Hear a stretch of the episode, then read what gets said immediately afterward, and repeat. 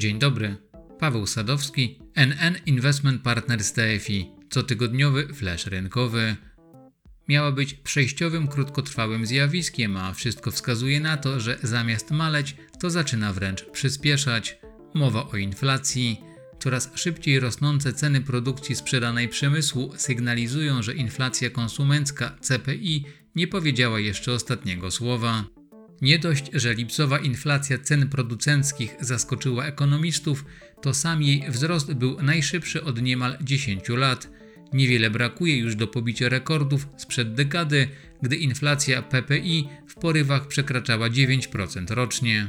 Do tego ceny były wyższe niż przed rokiem we wszystkich sektorach przemysłu. Oprócz tego, że podwyżki cen w fabrykach zaczną coraz wyraźniej przekładać się na ceny w sklepach, to najprawdopodobniej czekają nas jeszcze podwyżki energii elektrycznej oraz żywności.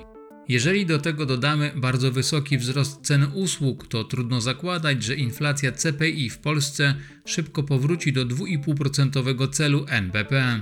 Jej poziom może przekraczać 4% do końca tego i prawdopodobnie także przez większość przyszłego roku. Nic nie wskazuje również na to, słuchając m.in. wypowiedzi prezesa Glapińskiego, aby niebawem stopy procentowe znalazły się na poziomach, które w przeszłości towarzyszyły takiej dynamice wzrostu cen jak obecnie.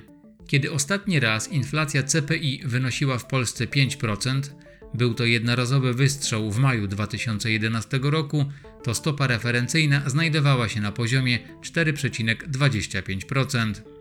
Natomiast trwale z takim i wyższym poziomem wzrostu cen mieliśmy do czynienia w 2001 roku. Wtedy podstawowa stopa procentowa NBP przyjmowała wartości z przedziału 14,5-19%. Jak to wygląda obecnie? Według ostatecznego szacunku Głównego Urzędu Statystycznego to ceny towarów i usług konsumpcyjnych wzrosły w lipcu 2021 roku o 5% rok do roku. Natomiast stopa referencyjna znajduje się aktualnie na najniższym poziomie w historii. Od 29 maja 2020 roku wynosi 0,1%. Jak nie trudno obliczyć, to przy takich parametrach spadek siły nabywczej pieniądza wynosi 4,9%. Taki stan rzeczy budzi coraz większy i uzasadniony niepokój wśród większości osób posiadających nadwyżki finansowe. Dla przypomnienia, to na koniec zeszłego roku aż 73,5% oszczędności polskich gospodarstw domowych miało formę depozytów złotowych i walutowych oraz gotówki w obiegu poza kasami banków. Taka struktura zgromadzonych aktywów finansowych nie daje im właściwie żadnej ochrony przed inflacją. Można przypuszczać, patrząc na zmianę deklarowanych gustów inwestycyjnych, że ta wspomniana struktura zacznie się w końcu zmieniać. Jak wynika z badania preferencji inwestycyjnych Polaków, które przeprowadziła firma Tavex, to w drugim kwartale tego roku inwestycje w lokaty zadeklarowało tylko 32% ankietowanych. Na początku roku było to ponad 41%. O 5,6 punktu procentowego wzrosła popularność funduszy inwestycyjnych i wyniosła prawie 29%. Złoto oraz nieruchomości cieszyły się ponad 22% zainteresowaniem. Natomiast niecałe 20% respondentów potwierdziło, że inwestuje w akcje. Powracając do jednego ze wspomnianych kierunków inwestycyjnych, którego popularność wzrosła o prawie 6 punktów procentowych od poprzedniego badania, czyli złota, to ta wzrostowa tendencja jest zgodna z globalnym trendem.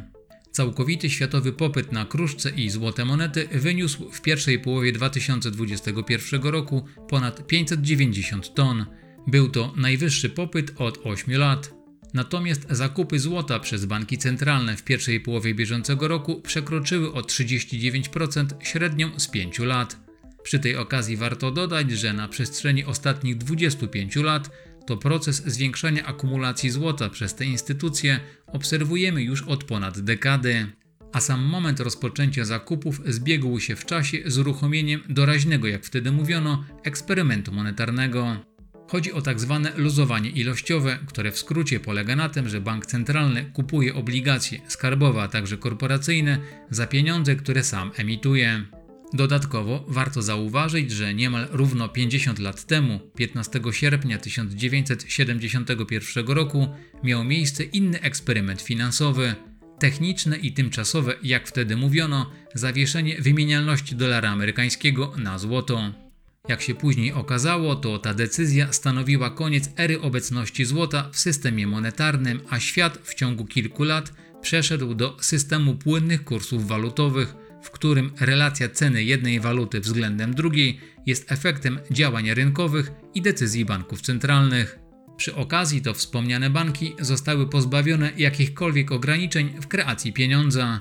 Konsekwencją tego jest olbrzymi przyrost bazy monetarnej.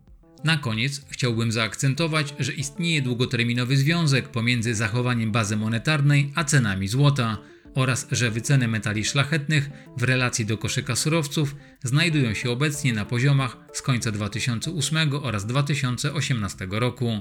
Między innymi o tym, co to może oznaczać dla ich wycen i zachowania funduszu NN Indeks Surowców, który odzwierciedla zachowanie cen portfela towarów, oraz o tym, czym w ogóle jest baza monetarna i jak wyceniane są surowce w relacji do akcji, opowiem w kolejnym nagraniu. To tyle na dzisiaj i do usłyszenia.